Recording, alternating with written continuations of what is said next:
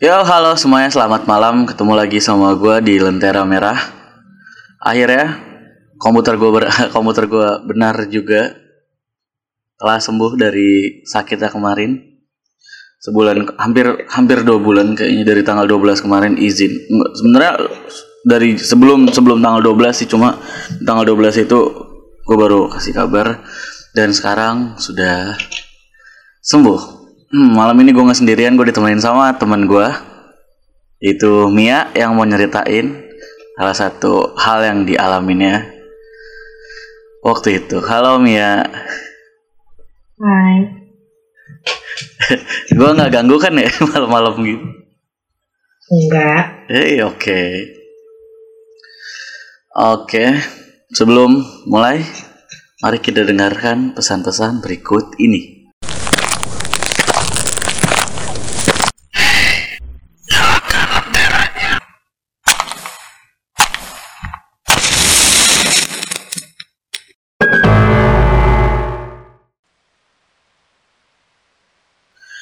Oke, Ah, Mia,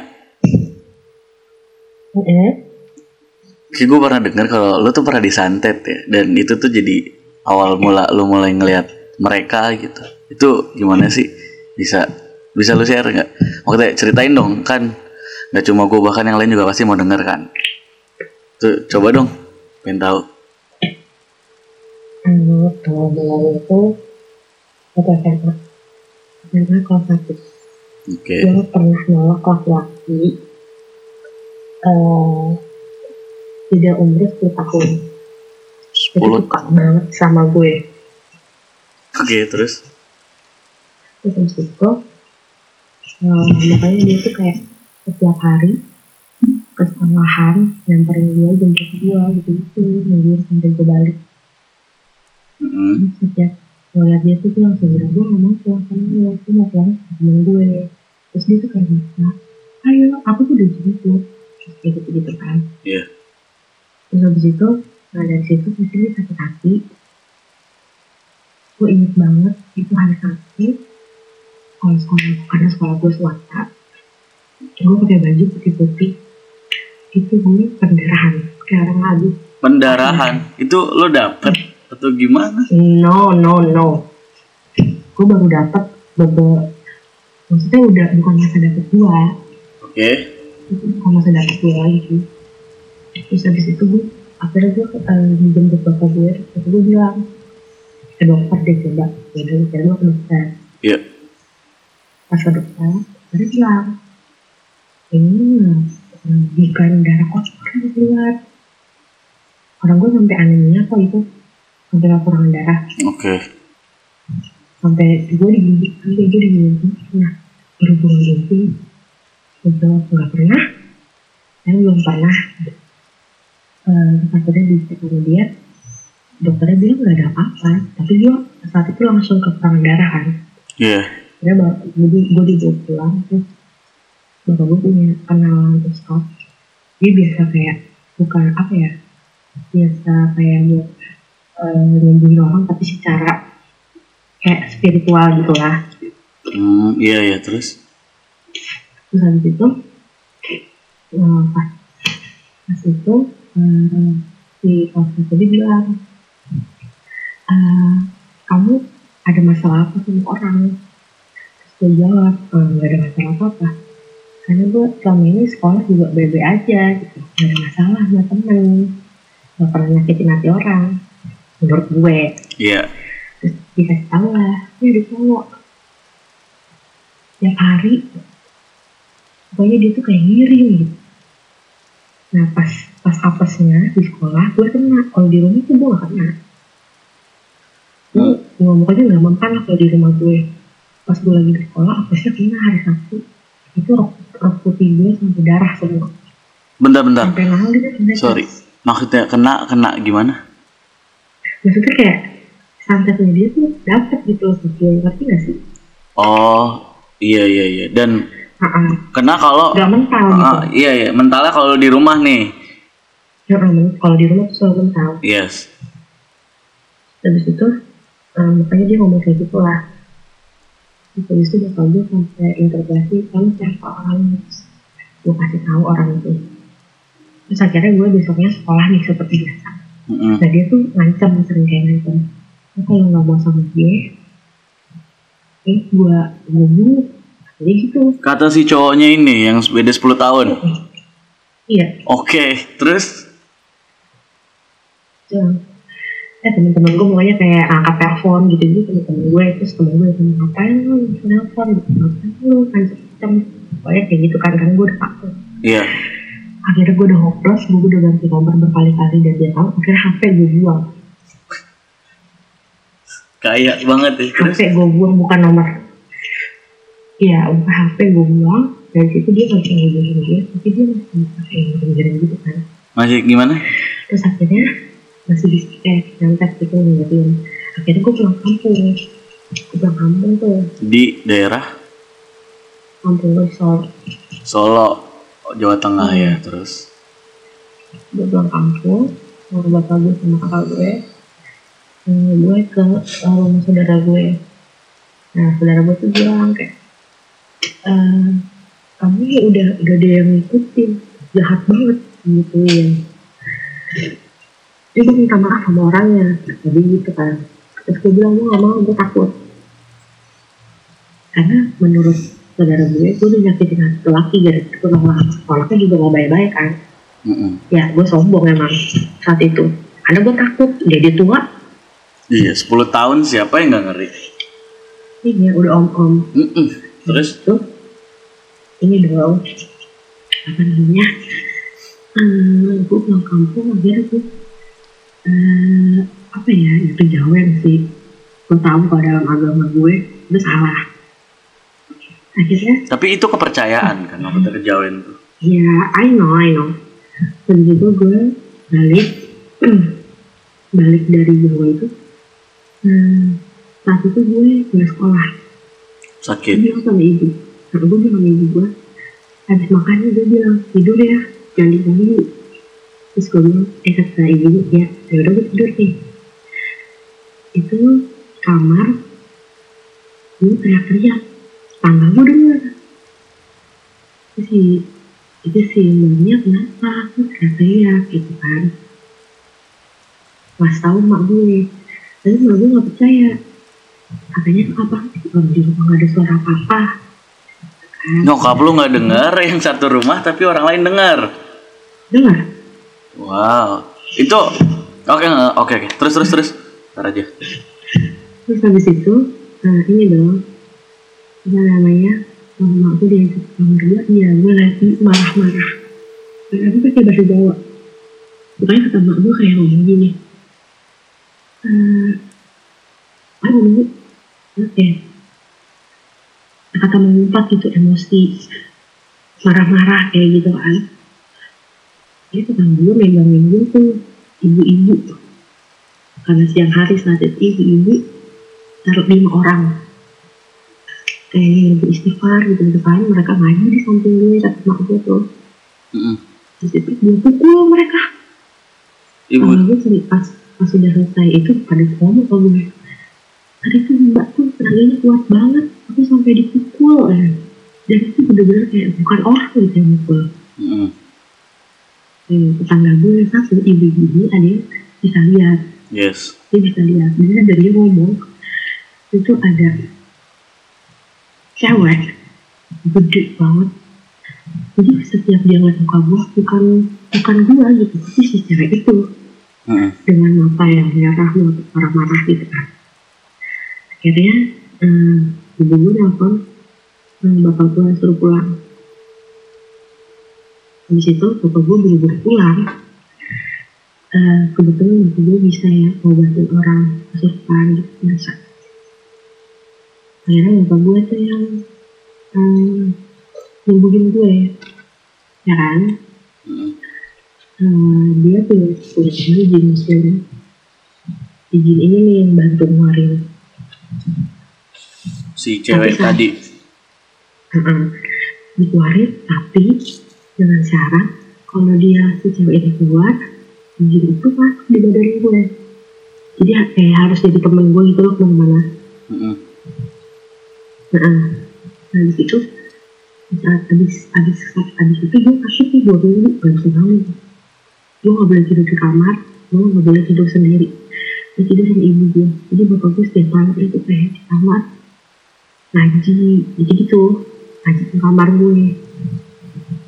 Terus? awalnya kayak gitu. Abis sembuh sakit eh, gue sekolah nih. Di sekolah tuh gue kayak ngerasa gitu.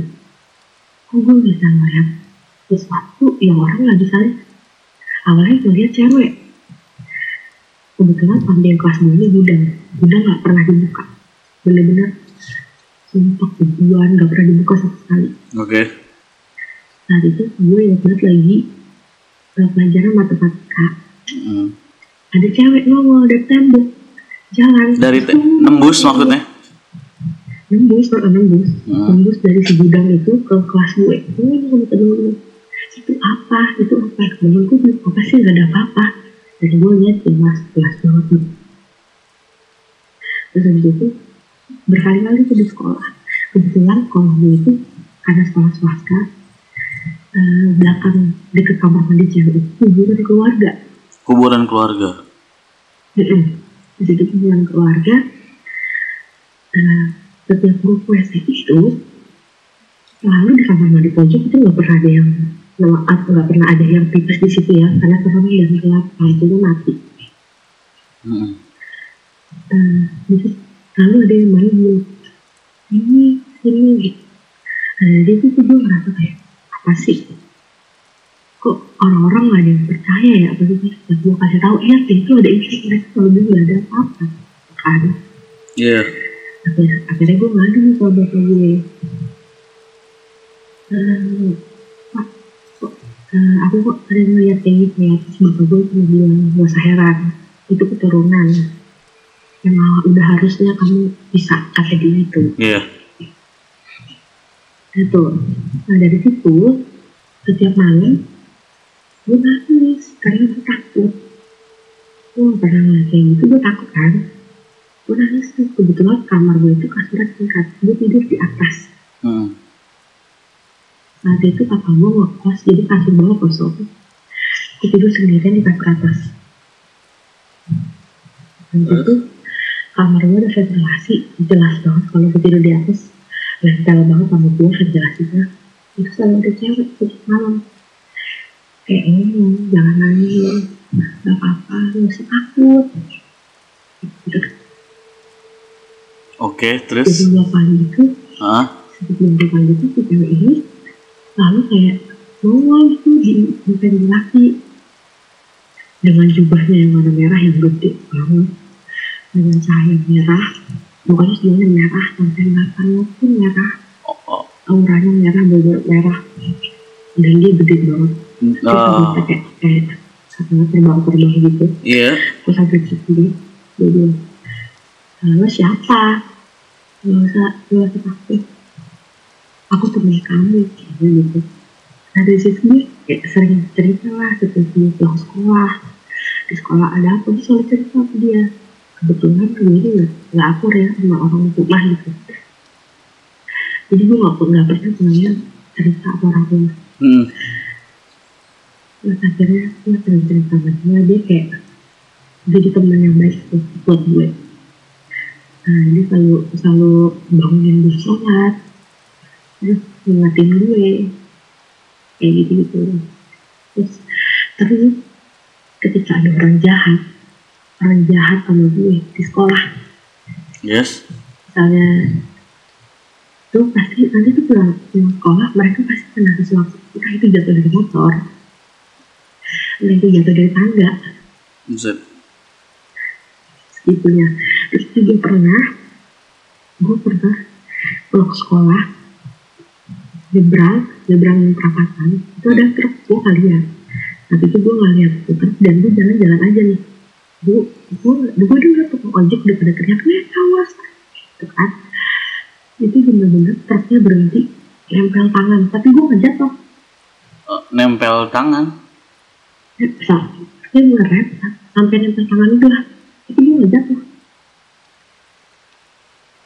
Oke, terus? sampai tukang ojek. Tukang ojek itu langganan gue jadi gue nyebrang buat naik ojek dia. Terus tukang ojeknya bilang nih gak apa-apa gue cuma izin ngasih shock gitu kayak ah gak apa-apa pak. Gitu. Sampai tukang ojek tuh ngecekin tangan gue kan badan gue kayak kenapa ada yang lecet ada yang ini enggak? Gitu. Akhirnya gue diantarin pulang sampai rumah tukang ojek kan ngadu sama mak gue. Nyeritain lah kejadian tadi itu terus mak gue mah kayak udah gak heran gitu kan. Oh ya udah pak gak apa-apa terima kasih. Jadi dari situ gue makin ngerasa kayak ada apa ya? Kok kayak gini? Ini akhirnya dari situ gue gak pernah ngomong sama orang tua. Mm. terus mau cerita sama temen gue namanya Lucy. Temen yang Eh, iya. Si Oh. cewek ini namanya Lucy. Dia bilang sama gue namanya Lucy. Oh si cewek ini Jadi dia kalau ceritanya dia itu dia dulu tuh orang eh, dia tuh eh, pekerja pabrik pada tahun 90-an oke. Dia meninggal gara-gara ditabrak ya. Ditabrak. Atau ditabrak terus kabur. Tabrak lari ya? Mau tabrak lari. Terus si Lucy ini dendam.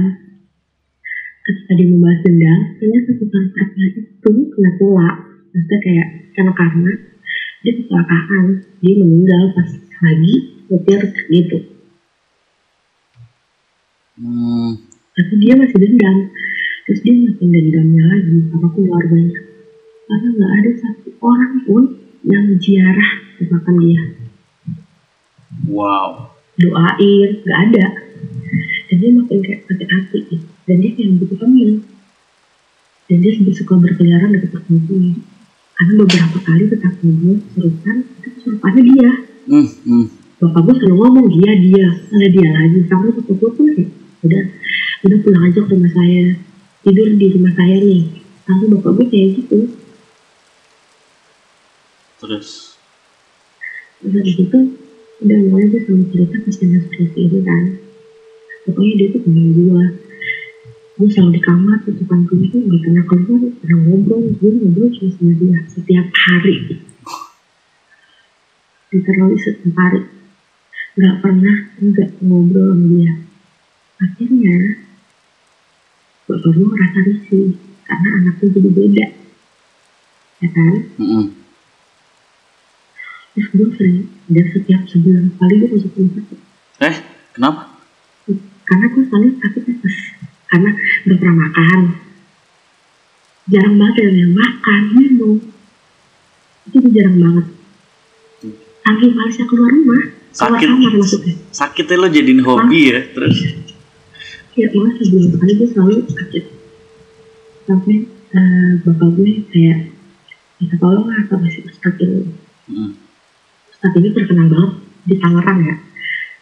Dia tuh suka ngobatin anak-anak yang berkebutuhan khusus ini maaf sebelumnya interupsi ini ustadznya ustadz yang awal lo ceritain bukan iya iya dia oh sama ya sama orangnya terus Iya sama sama terus habis itu habis itu ini dong eh, bapak gue mulai risih lah karena anaknya berubah karena gue bener-bener gak banyak ngomong terus kalau begadang sampai pagi tawa-tawa ngomong sendiri kayak gitu ya pasti ya akhirnya bapak gue eh dari ustadz itu datang. Ya kan? Hmm. habis datang aku diinterogasi lah. Kayak ditanya-tanya. Nah siapa namanya temennya? Gitu gitu. Dia sudah tahu gitu. Iya. Tuh karena si Mus itu udah tahu duluan kalau si Ustadz yang bakal datang dia kalau dia ngomong ke gue nanti kalau datang kayak aku kamu bilang aja siapa? Sebenarnya tapi kalau kamu kalau dia nyuruh aku kalau kamu bilangin aku kamu bilang jangan mau kalau apa? Sorry. udah ngasih tau gue. Kalau misalnya si Lucy ini udah ngomong sama gue kalau misalnya ada orang datang yang lebih baik jauhin dia jauhin Lucy maksudnya. Iya. Jangan mau. Hmm. Hmm. kayak gitu.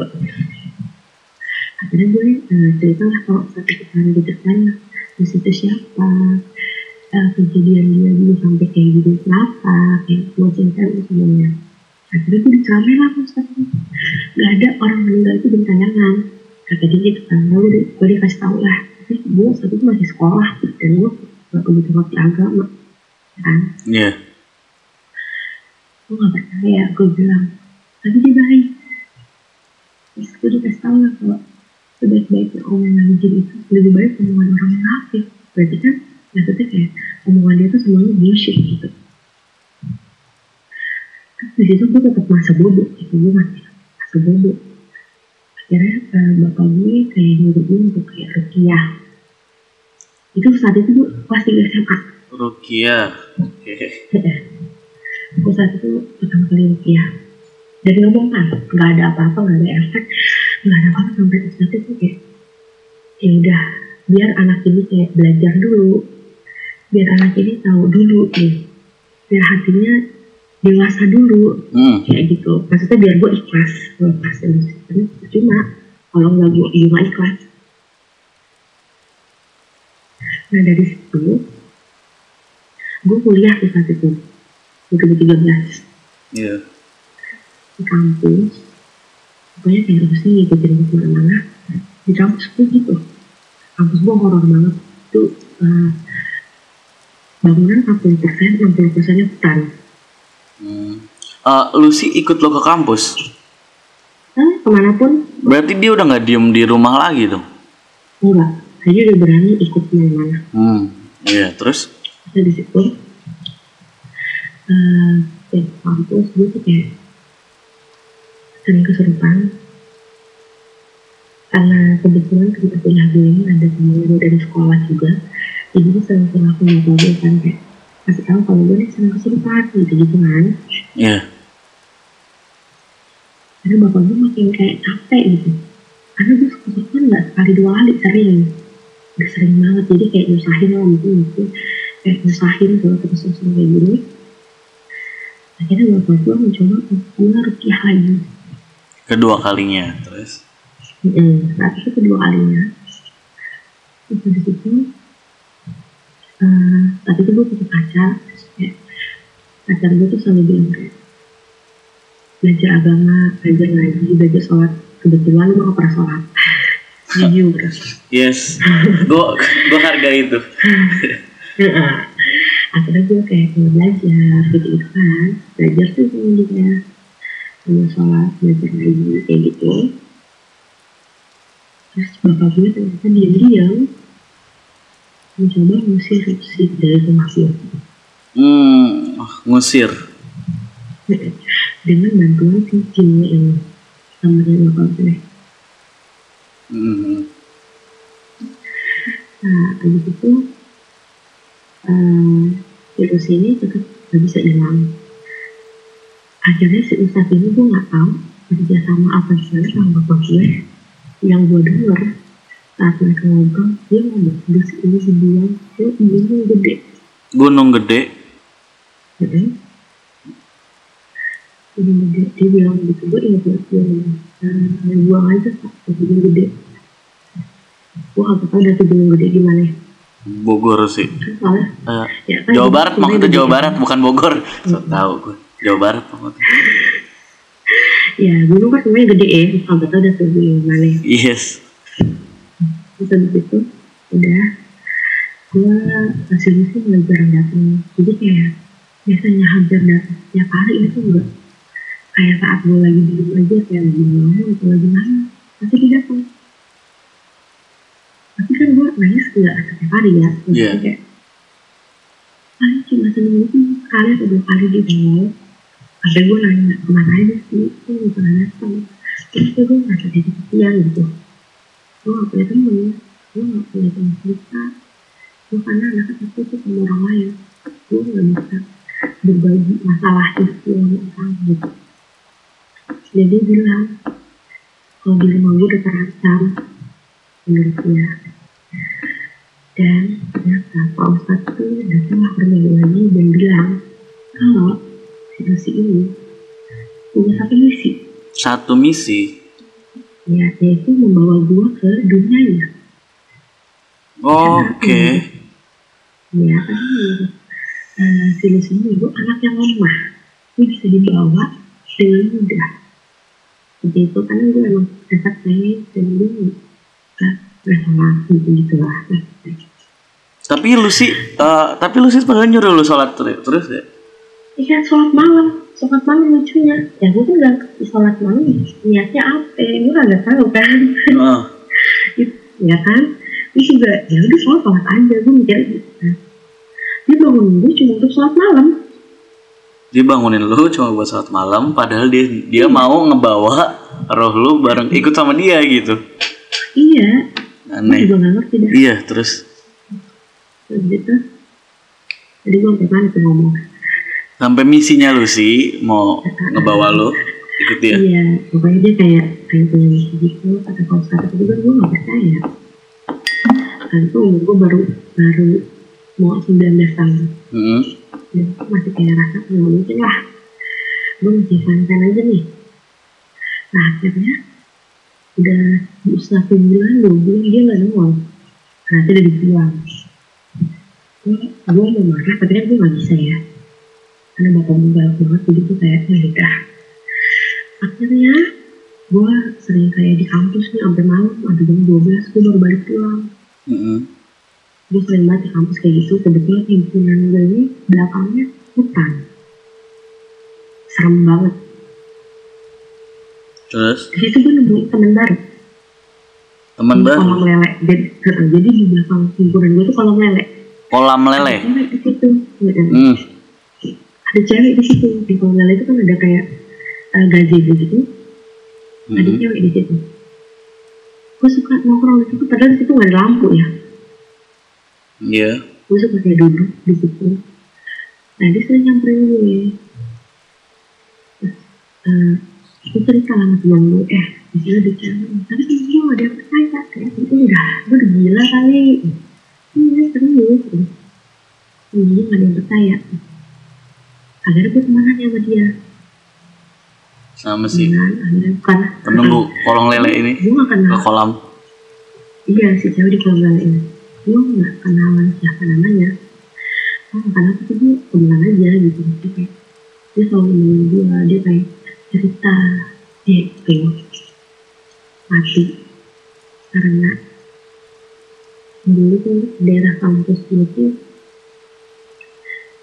eh, pasti kayak apa ya bekas gunung Be- daerah-daerah bekas gunung yang ujung-ujungnya udah nggak ada. Be- bekas apa? Bekas gunung yang gunungnya udah nggak ada. Gunungnya udah diiniin di diurut kan di papras ah ah udah nggak kayak ada. jok. Nah itu meninggalnya karena dibunuh sama orang yang nggak suka sama dia. Dan dibiarin gitu aja. Zaman dulu orang kalau dibunuh kan ya udah gitu aja kan. Tinggal aja gitu kayak yang tahu kayak kayak gitu kan. Mesti nggak ada di bagaimana? Kata dia di situ. Gue sering ngasih tahu kayak eh temen-temen gue tanya gue kalau di sini ada orang nih yang gini. Tapi dia nggak pernah percaya. Nah si ceweknya selalu ngeluh ke gue bisa nggak sih tolongin gue bilang sama temen-temen lo jangan kotor jangan berantakan gitu kan. Gue Iya. gak suka mereka ganggu gitu. Dan situ gue terus langsung kasih tau temen gue senior gue gitu. Mereka gak ada yang percaya. Mereka malah bilang gue caper kan? Bu, jatuh gue bisa relate Iya, banget yang kayak gini nih. Gue bisa relate banget terus. iya. Gue bilang caper oke. Akhirnya saat itu eh, di kampus gue tuh karena gue baru masuk anak hiburan ya ada namanya kegiatan mahasiswa kalau sore abis kuliah. Ya. Nah, saat itu si ceweknya udah ngomong gue nggak suka kamu tegur lagi. Nah saat itu sama dia ah, namanya juga anak teknik. Jadi kalau kalau kita itu apa ya ngedidik junior. Itu diait-aitin di anjing-anjing gitu kamu kasar. Mm-mm. nah saat itu kita lagi ngumpul angkatan gue junior. Terus junior gue marah-marah lah ngata-ngatain kita dengan kata-kata yang sangat kasar. Terus gue berdiri. Saat itu gue banget, gue berdiri gue ngomong gini bang jaga omongan lu. Di sini yang hidup nggak lu doang. Gue gitu terus gue diginiin eh lu apa itu apaan tuh berani nantangin gue temen gue yang masih dibawa keluar mau dipukulin. Gara-gara ngebelain gue. Terus gue berdiri lagi terus gue ngobrol ngomong lu mau gitu yang kalau di sini nggak cuma lu doang. Tiba-tiba satu satu satu. Junior gue sama temen-temen itu depan Dalam waktu yang hampir bersamaan. iya cuma beda beberapa detik. Ramai banget pas itu waktu itu ya. Ah rame banget saat itu di di ruangan itu tuh ada lah 50 orang. Wow. dan itu bener-bener hampir 10 orang kesulitan saat itu gue udah gue udah marah. Tapi gue marah kata temen gue karena gue gak begitu sadar ya. Marah marahnya gue tuh kayak bukan orang normal. Yang marah banget karena gue sejujurnya gue anak yang gak pernah ngomel-ngomel itu gue marah banget sampai gue itu gak bisa jalan. Hmm? gak bisa berdiri lagi maksudnya udah udah udah jatuh gitu. Gue gak bisa berdiri lah. Terus? dan gue gak sadar. Kalau gue marah-marah kayak gitu gue gak sadar. Akhirnya temen-temen gue nelfon bapak gue lah. Dari situ nelfon lagi. Gue diantarin balik kebetulan gue diinterogasi. Ada apa kenapa bisa kayak gitu itu ceritanya makanya iya belakangan ini kayak sering gitu bisa lihat. Makin bisa lihat makin bisa muncul dan makin jelas mukanya. Iya. tapi kalau gue melihat mereka itu kalau kalau akhirnya kan muka mereka ada rusak hancur ya Hmm. tapi setiap mereka nongol ke gue mereka dengan keadaan muka yang bagus. Iya. kalau misalnya cewek ya rata-rata cantik. Terus kalau cowok ya ya cowok bukan cowok nggak ada yang banyak hancur gitu. Mereka nggak pernah nunjukin kayak gitu. Hmm. ada juga yang bilang melihat seperti itu tuh tergantung isi pikiran kita. Iya, Kayak cermin gitu. cerminan dari dari kita sebenarnya iya. katanya. dan gue selalu berpikir ketemu mereka gue mau dalam keadaan mereka ya mereka gitu. Jujur aja gue belum bisa menerima ketika keadaan asli mereka. Kayak gitu.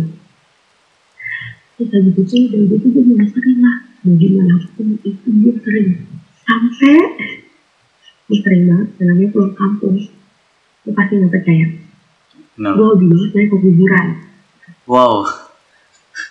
kuburan kuburan nenek gue gue nggak tahu kenapa gue suka banget kalau sendiri orang Jawa kuburannya kayak apa Iya. apalagi orang-orang Jawa yang eh, masih ningrat kuburannya tinggi tinggi Hmm. gue hobi banget ke kuburan nenek itu setiap hari di situ gue cerita sama dia kayak ngobrol. Dan gue merasa kayak semua orang ngedengerin gue yang ada di situ. Bukan orang sih. Maksudnya kayak semua orang yang udah gak ada. Yang udah- gue merasa. Semua yang pernah jadi orang gitu. ya gitu. Jadi gue merasa kayak gue lebih dihargain di situ. Lalu kayak cerita setiap hari. Setiap hari sampai kuburan nenek gue tuh gue tanamin bunga gue bawa es krim setiap hari. Karena nenek gue suka bawa es krim gue es krim setiap hari. Gue taruh kuburan gue tahu sebenarnya itu gak bagus kan? Iya. terus dong. Tapi gue ngerasa kayak ketika gue udah cerita sama nenek gue gue nyaman. Hmm. gue ngerasa kayak gue udah gak punya beban hidup? Karena nggak ada yang ngertiin gue gitu. masalah hidup gue banyak tapi orang tua gue tuh nggak pernah tahu. Ada apa dengan anaknya ada masalah apa? Di, di kampus? Ada masalah pribadi apa? Mereka nggak mau tahu? Jadi gue ngerasa kayak gitu. Gue hobi banget ke kuburan. Dan di kuburan nenek gue tuh nggak ada rumah deket-deket situ. Itu bener-bener hutan. Di, di tengah-tengah. Jadi hutan tengah-tengah kuburan. Gitu. Hmm. kalau yang nggak percaya gue ajak loh. Kuburan bah gue Ah, boleh tuh. Ayo kapan-kapan. ya nah dari situ tuh. Gue mulai makin bisa melihat makin bisa merasa. Sampai kadang-kadang ada ada orang yang jahat sama gue. Gue tahu. Ada orang ngomongin gue gue tahu. Karena dikasih tahu sama teman-teman gue nggak kelihatan. Sama mereka ya. Dalam kutip. iya. Iya mereka tuh ngomong ih ini ngasih kok udah lah kamu gak usah deket-deket sama dia sampai di kampus gue eh tahun 90 tuh ada pembunuhan Pembunuhan. jurusan uh-uh. jadi uh, jurusan jurusan A sama jurusan B itu ini berantem Oh, masalah Nah, internal, jadi- internal kampus. Mm-mm. Terus terus. iya kan tahu mahasiswa Iya, terus. di jurusan A ini ini anak jurusan B Mm. habis itu dia kabur kan nah kebetulan itu dibunuhnya di gedung kampus gue jurusan gue Yes. nah jadi setiap anak-anak mereka udah kuliah pulang kuliah nih gue di di kelas ngobrol sama dia dia laki-laki Ya. dia, dia penunggu kamar mandi cewek dia hobi banget kamar mandi cewek gue gak tau kenapa deh Udah. dia kayak Padahal udah jadi setan "Apaan sih ya. Masih aja aneh-aneh. dia, dia selalu kalau kalau lo tahu kampus gue pasti lo tahu ceritanya. Gue kasih tahu gedung eh itu itu udah terkenal banget ya. Udah terkenal banget emang di situ. Di situ ada cowok. Karena beberapa temen gue pun ngeliat. Nongol gitu di kaca. Mm-mm. nah dari situ pokoknya gue ke mana pun gue pergi gue punya teman kayak gitu. Oh gitu. Gila. Pengalaman maksudnya hal-hal yang sudah lu alamin tuh lumayan ah, panjang dan cukup mendebarkan ya buat orang-orang yang awam gitu. Apalagi juga Mm-mm. ya lu emang sebelumnya nggak nggak terbiasa sama hal seperti itu terus harus dipaksa dengan hal yang mau alamin tuh gue bisa relate banget sih terus iya. Gue boleh ngasih beberapa pertanyaan gak sih? Maksudnya ada beberapa yang ganjel maksud eh, yang pengen gue tahu gitu. Hmm, boleh. Eh, yang pas awal itu yang eh, cewek merah tinggi gede gitu. Itu tapi lu liat ceweknya nggak? Lihat lah. Wujud ceweknya itu yang yang sebelum akhirnya ganti ke jinnya itu. Lihat oh sebelumnya gue lihat tapi ngelihatnya itu cuma sekilas. Dan itu ngeliatnya nggak di nggak di rumah ya. Itu kan eh gue ngeliatnya pas lagi di Jawa. Jadi sebelumnya gue udah ngeliat dia cuma gue kayak ah ya udahlah bayangan. Hmm. gue mikirnya gitu. Ih. gue berusaha untuk positive thinking. Tapi tapi itu nggak nggak nggak bukan bukan sosok yang sama sama si Lucy ini kan? Beda. Oh beda. Beda banget. Oh. Iya, gue pikir sama gitu, Sarah. Karena perwujudannya yang lo sebutin tuh hampir sama gitu kan. Mungkin si Lucy tuh Beda, lebih, lebih serem lagi kali ya. Soalnya serba merah. karena kalau kalau yang si eh, awal gua kesurupan sampai sakit itu ini tuh dia ngomongnya bahasa Jawa Jawa Jawanya Jawa Jawa Eh, bahasanya apa namanya kalau Jawa yang sangat halus Injil Eh, Kromo Inggil.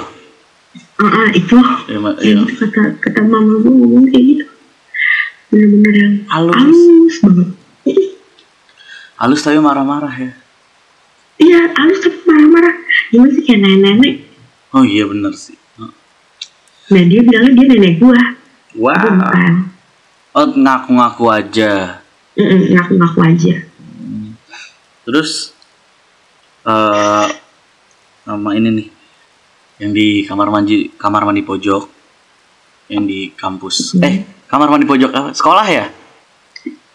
Sekolah apa yang kampus? mana yang di sekolah? Apa di kampus sekolah yang di sekolah. Itu yang dari kumpulan Eh ini kamar mandi pojok yang yang katanya serem banget itu sih. Yang nggak ada lampu nggak ada apa. Itu sekolah. Sekolah kan ya? Iya. terus akhirnya lu ke sana karena nggak ada yang ke sana kan menurut lu? Iya saat itu gue nemenin temen gue pipis. Terus gue ke pojok sendirian. Ada ada kacanya gitu kan di pojokan Hmm. gue gue sengaja jadi gue lihat. Oh iya. Ada suara dan ada wujud. Cuma Di- ya hanya bayang-bayangan aja. Oh ma- masih kelasan masa masih belum kuat indra lu ya? Mm gue Ah. cuma ngerasa kayak alah alah ini mah paling cuma ini aja. Hmm. bayangan bayangan gue sendiri gitu. Ber, oh, mencoba untuk positive thinking Uh-uh. dan gue emang kebetulan nggak takut sama kayak gitu kan good. Itu bagus itu. Terus hmm, yang terakhir nih dari semua cerita. Sebenarnya yang satu yang paling paling gue penasaran ini adalah si Lucy ini masih balik, maksudnya masih nemuin lu lagi nggak sih setelah? sampai saat ini? Ah, enggak udah nggak sama sekali. enggak tapi ketika gue lagi lagi down banget bener-bener kayak lagi lagi broken banget gitu gue kayak mimpi aja mimpi ketemu dia terus dia kayak cuma bilang gak usah sedih ada aku gitu tapi nggak nggak nggak nggak ada di sini tuh di, di rumah gue nggak ada udah nggak ada udah dibuangin sama bapak gue Aneh ya sih, nggak usah sedih, ada aku. Padahal dia sendiri yang membawa kita ya. Iya, gue juga gak ngerti. Emang. Maksudnya kayak gimana? Namanya juga, namanya juga setan ya. Iya benar, benar. Nggak ada yang bisa ditebak dari setan. Iya, betul. Betul betul. Tapi gue yakin lo masih banyak cerita kan. Hmm, Banyak lah.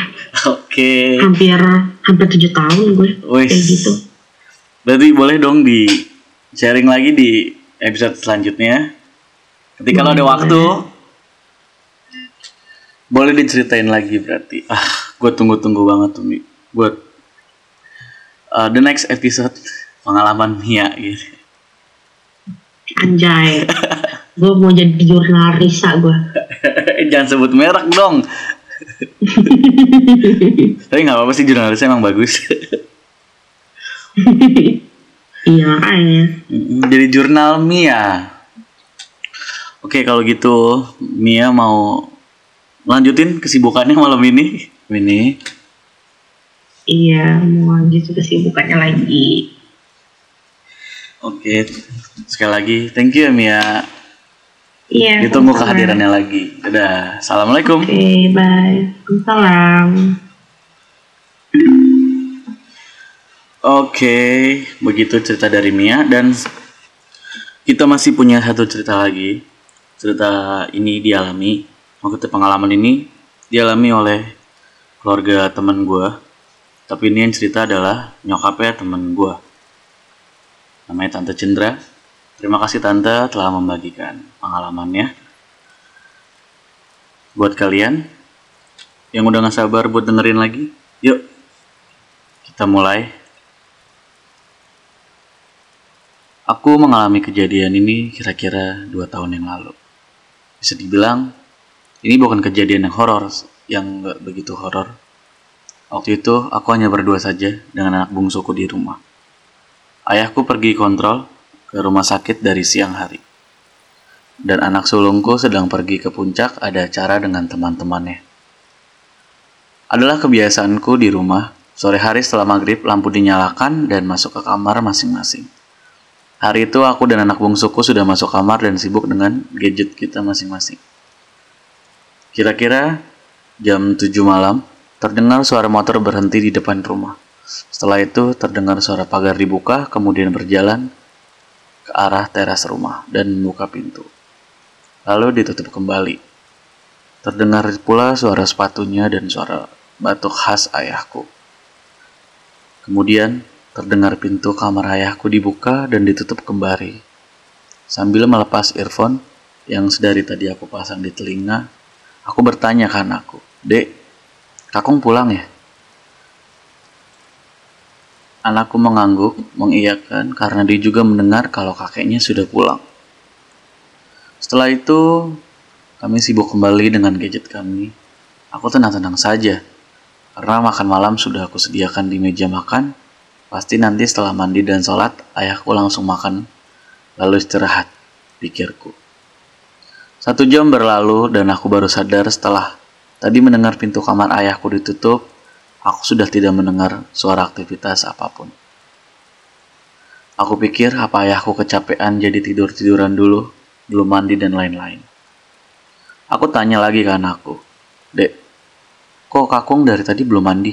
Belum makan juga ya? Iya ya, jawab anakku. Sudah menjadi kebiasaan ayahku setiap pulang kerja atau pulang dari mana pun, setiap masuk kamar selalu menyalakan TV. Entah itu ditonton ataupun tidak, kemudian mandi, sholat, lalu makan, dan kemudian tidur-tiduran sambil nonton TV kembali. Tapi semenjak kepulangannya, tadi jam 7 tidak terdengar aktivitas apa pun dari kamarnya. Karena penasaran, aku membuka pintu kamarku untuk melihat apakah ayahku ketiduran di kamarnya atau tidak. Begitu membuka pintu kamarku, yang aku lihat kamar ayahku gelap dan sepatu ayahku juga tidak ada. Suasana saat itu di rumah sangat sepi. Aku menutup kembali pintu kamarku, masih belum berani beranjak ke kamar ayahku untuk sekedar mengecek. Aku takut, karena suasana begitu sepi dan terasa sangat mencekam. Dek, kok aku nggak ada ya? Dari tadi juga TV nggak nyala. Kakong belum mandi juga, kamarnya gelap. Apa jangan-jangan kakong kecapean nih langsung tidur? Tapi sepatunya juga nggak ada. Apa jangan-jangan kakong keluar beli apa gitu? Kita lihat yuk temenin sebentar kataku. Gak mau ah, takut, kata anakku. Akhirnya setelah aku sedikit memaksa anakku, mau juga dia menemaniku, mengecek kamar ayahku dan begitu aku buka pintu kamarnya. Lalu aku nyalakan lampu kamar, ternyata kamar ayahku kosong. Iya, ayahku belum pulang. Lalu suara siapa tadi yang datang? Kami bertanya-tanya. Segera aku hubungi kakak dan adikku yang ada di luar kota. Aku ceritakan detail kejadiannya. Yang ada aku malah dapat omelan dari kakakku. Dia marah-marah takutnya ada orang jahat masuk ke rumah. Aku bersikeras meyakinkan itu ayah yang pulang karena suara batuk yang aku dengar benar-benar suara ayah. Dan bukan hanya aku yang mendengar suaranya. Tapi berdua dengan anakku. Kakakku langsung menghubungi ayah lewat ponsel. Aktif, tapi tidak ada jawaban. Beberapa kali dicoba telepon kembali, tetap tidak ada jawaban. Walaupun ponsel dalam keadaan aktif. Akhirnya aku berdua dengan anakku memberanikan diri mengecek seluruh ruangan rumah. Sampai ke garasi dan gudang, hasilnya nihil. Aku tidak menemukan apa pun. Beberapa menit kemudian, kakakku memberi kabar dia kembali menghubungi ayah lewat ponsel, tapi sudah tidak aktif. Tidak ada lagi yang bisa aku lakukan selain menunggu, masih bertanya-tanya dalam hati. Tadi kami berdua tidak mungkin salah dengar. Banyak pikiran berkecamuk di kepala dan berharap tidak terjadi apa-apa dengan ayahku. Kira-kira jam setengah delapan terdengar suara motor berhenti di depan rumah. Kemudian aku dengar suara pintu pagar dibuka dan suara urutannya sama persis seperti yang aku dengar beberapa jam sebelumnya. Kemudian suara langkah kaki menuju pintu dan terdengar suara rumah dibuka. Aku langsung membuka pintu kamarku untuk memastikan siapa yang datang. Walaupun sudah tahu itu pasti ayahku pulang dari rumah sakit. Aku merasa lega, tapi dalam hati masih bertanya-tanya, lalu siapa yang tadi datang sebelumnya? Sebenarnya setelah itu kita masih tetap mengalami hal-hal yang sama persis. Hanya bedanya kali ini bukan ayahku. Yang lain pada nggak dengar, padahal siang hari lagi rame di rumah. Aku dengar anakku manggil namaku. Ma, aku pikir disuruh bantu metik rambutan atau apa gitu. Aku cuekin karena malas. Toh udah ada kakak, adik sama ayahku yang metik. Pas anakku gak berapa lama masuk ke kamar aku, aku tanya, kamu tadi mang, kamu tadi ngapain manggil mama? Ah enggak, dari tadi nggak ke mana-mana di kamar aja, nggak manggil mama juga, katanya. Dan ternyata tadi bukan aku doang yang dengar, yang lain juga mendengar ya. Kurang lebih seperti itu yang aku alami. Ya, terima kasih tante.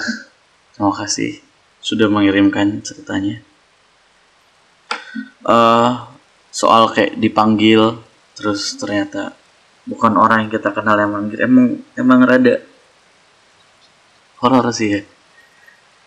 Uh, pernah juga temen gue ngalamin hal yang serupa.